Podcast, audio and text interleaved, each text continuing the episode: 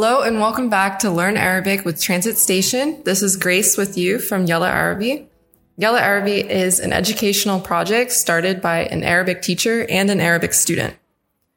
We translate and transcribe all of our podcast episodes for your benefit, which can be found on our website, yallaarabi.com. It's spelled Y-A-L-L-A-A-R-A-B-E-E. There's no space between the words. If you're interested in taking Arabic classes with us, we offer classes both online and in person in Beirut. Ahla wa sahla. And if you enjoy our work and want to support us, we also have a Patreon account and we will include the link in the description. Today's episode of Transit Station is about May Ziadi, who was a beacon of modern Arab literature at a time when female writers were rare and almost unheard of. She was highly cultured and intellectual who dedicated her life to writing. Sometimes known for her love with Gibran Khalil Gibran, who we previously made an episode about, she also successfully opened her own writing salon and translated novels from German, French, and Italian to Arabic. Now you'll hear Samer tell her life story.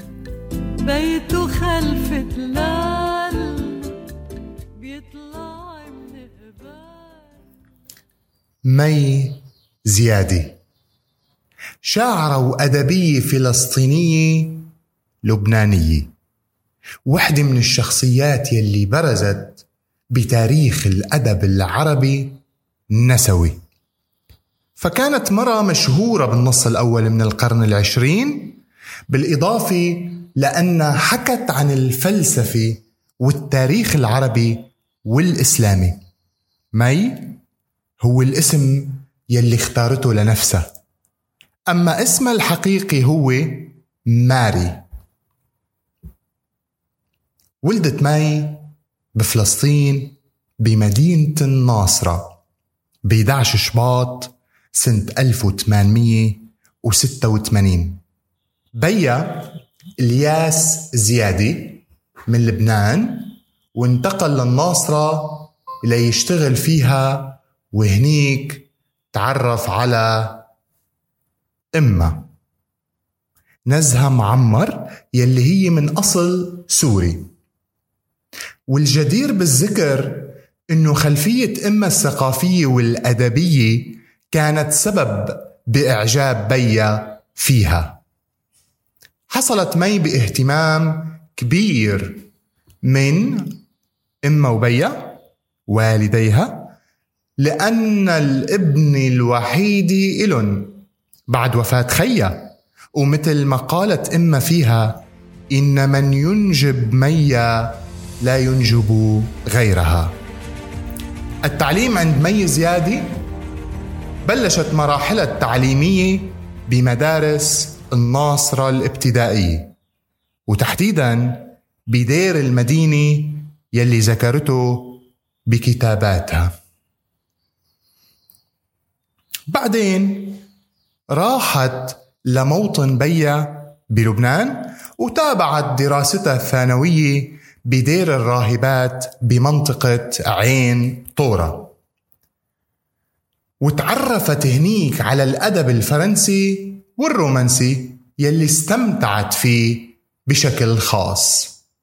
بعدين سجلت بكم مدرسة تانية بلبنان بعام 1904 رجعت مي مع عائلتها للناصرة.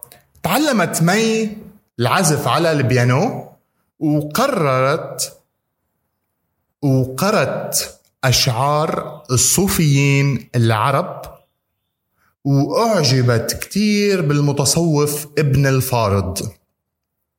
بعام 1908 انتقلت مي مع عائلتها لتعيش بالقاهرة ودخلت الجامعة المصرية عام 1916 ودرست الفلسفة والأدب وأتقنت اللغة الفرنسية والإنجليزية والإيطالية والألمانية.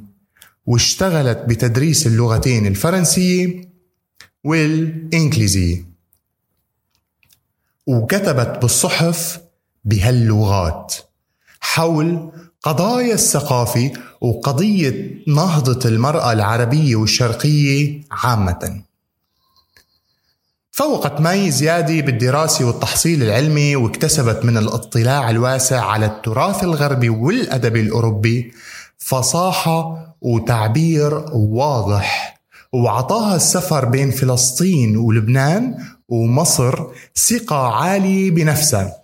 ومعرفة عميقة بمعاناة الناس وحاجاتهم مي زيادي والصحافي مي زيادي وحدة من يلي أبدعوا بالصحافي فكانت مقالاتها ذات أثر اجتماعي بالصحافة المصرية.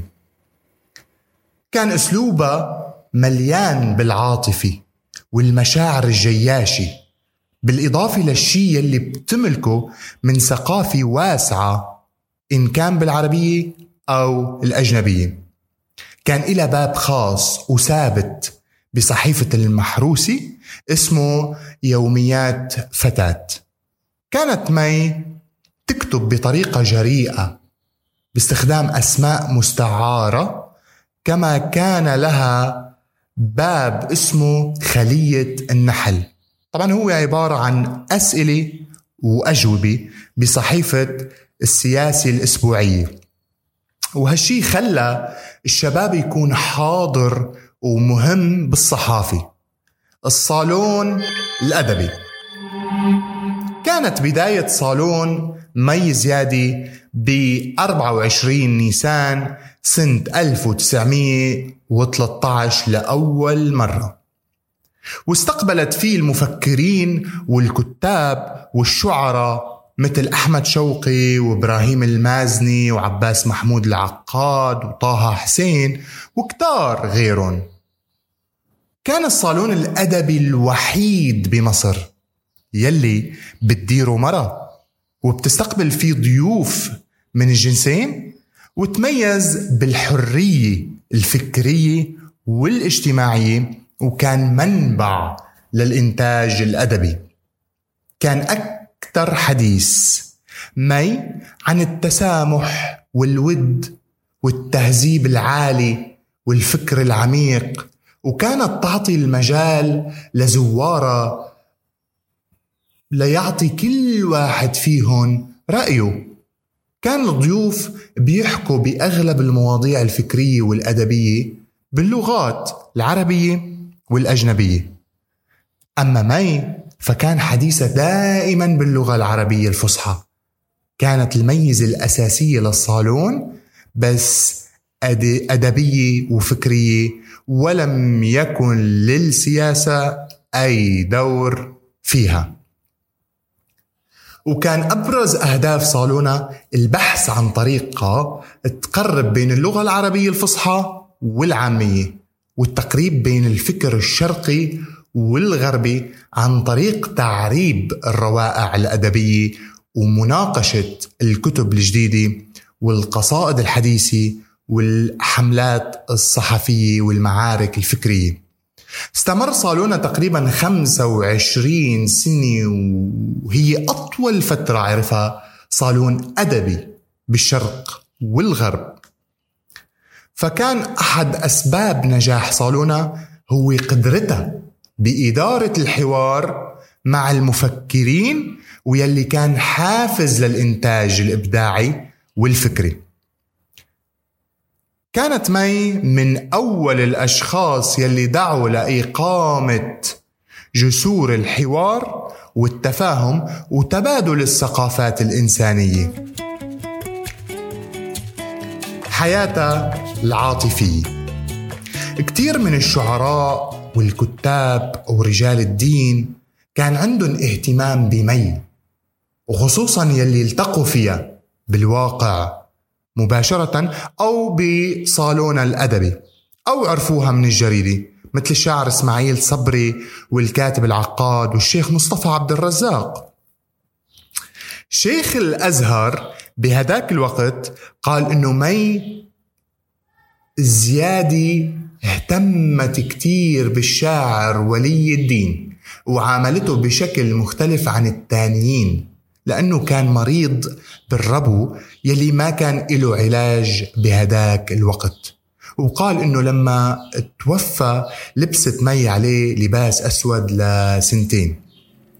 وقالوا إنه كتار يلي وقعوا بحبها بس مع إنه كانوا كتار ما حبت إلا جبران خليل جبران. تعرفوا على بعض عن طريق المراسلة عبرت عن رأيها بقصائده وكتاباته. كانت مي معجبة بأفكاره آراءه وبهالطريقة توثقت العلاقة بيناتهم. شوي شوي وتطورت للإعجاب وبعدين للحب يلي استمر عشرين سنة. كان جبران الحب الوحيد بحياة مي. وبالرغم من هالحب بس ما التقوا أبدا. وفاتها بعد ما توفى بيا وبعد وفاة جبران رجعت مي للبنان سنة 1938 كانوا قرايبينا عم يعاملوها بشكل سيء كتير. وبسبب هالمعاملة السيئة مي دخلت على مشفى الأمراض العقلية. وبعد ما طلعت منه سكنت عند الأديب اللبناني أمين الريحاني. وبعدين رجعت لمصر وزارت الكثير من الدول الأوروبية لتغير جو وأخيرا استقرت بمصر لحتى توفت سنة 1941 بمدينة القاهرة عن عمر أكثر من 55 سنة. وما مشي بجنازتها إلا ثلاث أشخاص من معارفها. مؤلفاتها؟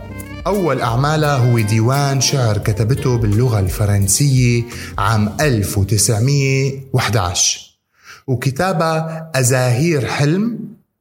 وبعدين صدر إلى كتاب باحثة البادية عام 1920 ثم كتاب كلمات وإشارات. بعدين المساواة. ظلمات واسعة بال 1923 كمان. وبين المد والجزر 1924 وأخيرا كتاب الصحائف 1924